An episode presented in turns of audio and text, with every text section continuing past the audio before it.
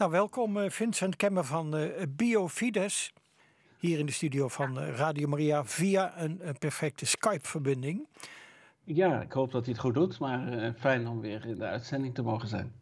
Ik wil met jou eventjes hebben over. Ja, ik kwam iets tegen in een, een boek en ik wil het gewoon even voorlezen. Ja, het gaat over mensen en dieren. Juist. Dat gaat over dieren met verdriet. Ja. In het jaar 55 voor Christus organiseerde de Romeinse aanvoerder Pompeius een gevecht tussen mensen en olifanten. Mm Ingesloten in de arena begrepen de dieren dat ze onmogelijk konden ontsnappen. Volgens Plinius probeerden ze smekend het mededogen van de menigte te wekken met onbeschrijfelijke bewegingen, terwijl ze hun benarde situatie in een soort treurzang bejammerden. Het publiek dat hierdoor medelijden kreeg en woedend werd, stond op en schold Pompeius uit, omdat ze aanvoelden, schrijft Cicero, dat de olifanten een gemeenschapsband hadden, niet alleen met elkaar, maar ook met de mens. Ja. Jij als bioloog, hoe zit dat precies? Want als ik ja, weer zo'n vrachtauto vol met varkens richting slachthuis zie, ik word toch door medelijden bewogen. Is dat terecht? Ik denk het. Ik denk dat dat uh, terecht is. Als je, uh, ik denk dat uh, de dood zal nooit onze grootste vriend worden. zelfs niet dus de menselijke dood, daar hoef ik nu niet over te hebben, dat is evident. Ja. Maar ook de, wij zijn blijkbaar toch, en dat is ook een beetje vanuit het geloof, we doen biologie en geloof door elkaar in deze uitzendingen. Ja. Je zegt, ja, maar wacht even, dit zijn ook schepselen van God. En dit zijn ook beesten met een, zekere intelligentie, een zeker gevoel. Een zeker uh, hè, bestaansrecht ook, zou je kunnen zeggen. En dus uh, niets is evident. Dus bijvoorbeeld het, uh, het eten van dieren is voor niet iedereen evident. En dus het slachten van dieren en dan ook wel op vrachtwagens vol onnormaal. Nou ja, we hebben nu pas, uh, reed ik hier in België ergens door. Uh, en dan bleek toch een dromedaris nog in een circus te mogen optreden. Dan zei mijn vrouw en ik tegen elkaar: Goh, uh, mag dat nog? Of, ja. ik weet niet, ik ken de regels in België niet precies. En ik weet ook niet precies hoe het nu in Nederland is. Maar we hebben dus een bepaald. we leven nu sterk in een, een sterk gevoelige tijd, ook voor dierenleed. En sommige mensen gaan zover om daar een politieke partij van te maken. Mm -hmm. En, uh, of uh, dierenrechten te claimen en zo. Dus er zijn, wij leven op dit moment in een heel relatief gevoelige tijd voor zeg maar dierenleed. En dat is, uh, lijkt mij terecht. Ik zie ook niet vanuit de katholieke christen, ik heb er wel wat voorgelezen voordat we deze uitzending zouden gaan doen, om, om toch een beetje nog verder in te lezen.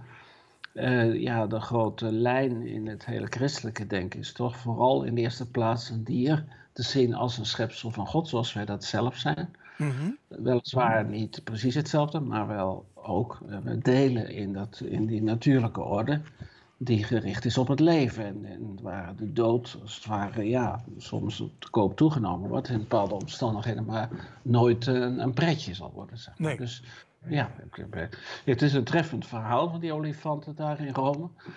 Ik kende dat verhaal eigenlijk niet, maar ik heb het even opgezocht en inderdaad het is, uh, het is natuurlijk uh, frappant dat bepaalde hogere dieren, dus, uh, zoogdieren, je ziet dat ook met wat dolfijnische apen natuurlijk. Ik wou net zeggen, ja, dolfijnen zijn die, ook bekend.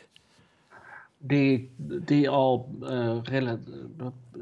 Kijk, ik sta, steek mijn hand niet in het vuur voor de juistheid en de historiciteit, en dat, dat is onze discussie niet. Maar stel, laten we eens even aannemen dat dat dat inderdaad die olifanten de gemoed van de, het medelijden hadden weten op te wekken van de, hè, van de hoe je dat ook precies moet, moet nou, begrijpen. Woede, dat woede zelfs, hè, schrijft hij.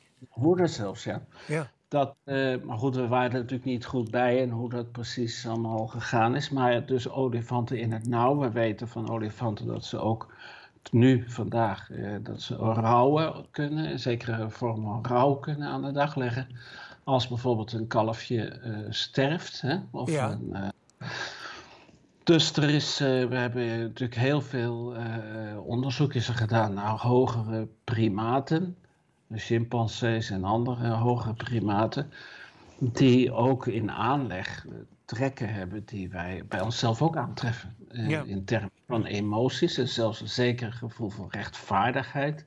Die, uh, van die experimenten met van die kleine aapjes. En dan krijgt de ene aapje twee nootjes en de ander maar één. En dan protesteert dat andere aapje.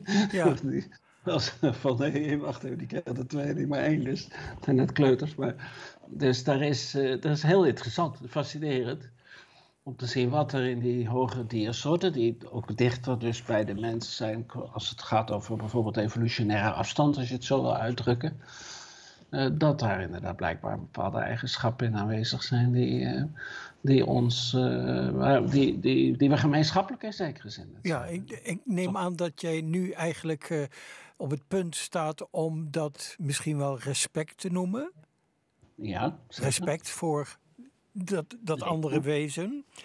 Ja. Um, en waar ligt de grens tussen respect en sentimentaliteit? Want uh, nou ja, de, ja. de mensen die uh, uh, nu in deze tijd hele schalen vol vlees op de barbecue gooien. Als je daar iets van zegt, ja, dan moet je niet zo flauw doen.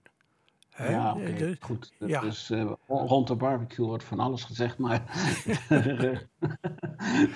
maar we hebben natuurlijk uh, te maken met wat we, waar we mee te maken hebben, net zoals de dieren, is een lichaam. Dus we kunnen, dat lichaam kan gedood worden of niet gedood worden, gevoeld worden of niet gevoeld worden, ziek worden of gezond zijn.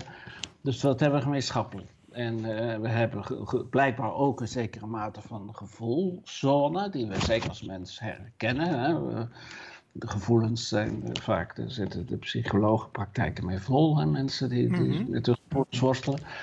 Uh, maar blijkbaar dieren hebben dus ook al in aanleg een bepaald niveau van gevoelsleven, blijkbaar.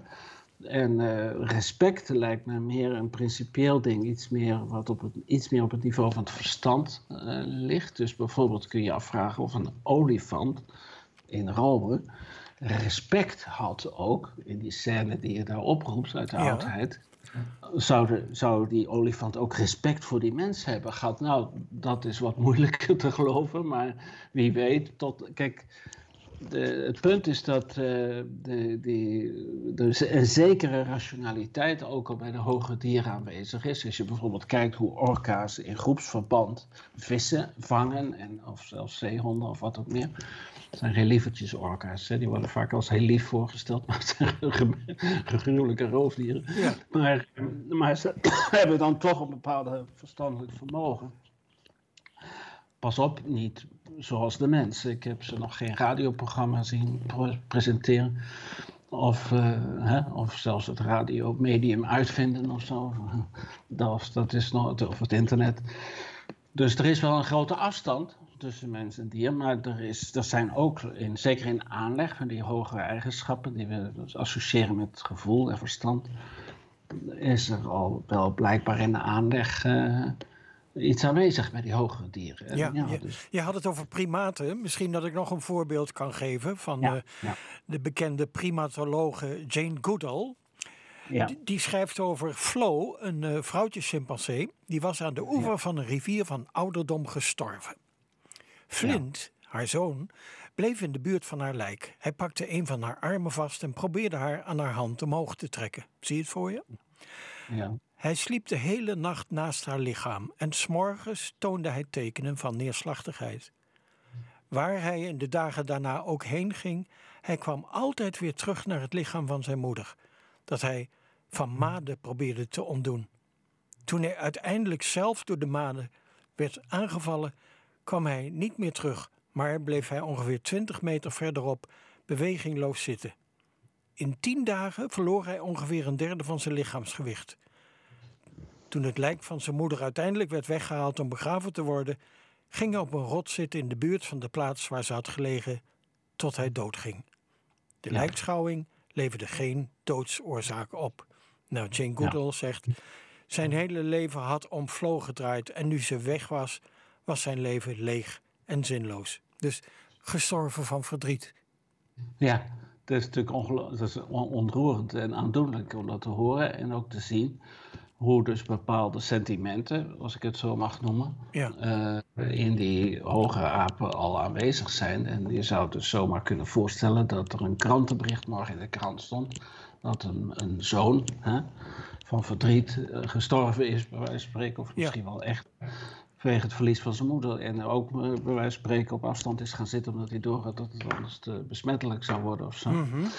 Eh, dus dat is interessant. Eh, ik zou zeggen, ja, een soort van pre-humaan of beginnend humaanachtig gedrag. Wat die, wat die, uh, wat die En Jane Goodall en andere primatologen hebben natuurlijk daar uitgebreide studies over gedaan. Uh, je hebt daar zo één die naam nu even ontschiet en die zegt ook, ja, die, mensen, die eigenschappen zijn al bij die primaat aanwezig, maar ze zijn op geen stukken na zo ver ontwikkeld als bij de mens. Was dat Frans Want, de Waal toevallig? Frans de Waal, ja. En uh, die, ik geloof dat hij ergens dat vergelijkt met een, een uh, gebouw van tien verdiepingen, waarbij de primaten en deze hoge dieren zo ongeveer ergens halverwege de eerste, of bij de, halverwege de begane grond, qua niveau van hè, ja. denken en aanvoelen en psych, uh, psychologische eigenschappen op dat niveau zitten. Dus wij mensen zitten wel een stuk hoger. En dat is een fundamentele vraag die je ook moet stellen, denk ik, als je praat over biologie en geloof. Kijk, wij kunnen erover praten. Wij kunnen er een radio-uitzending over vullen. Dat gaan zij toch nog niet, dat gaat hen niet lukken. Dat uh, moeten we onder, ook onderkennen. Ik wil de dieren dus niet tekort doen.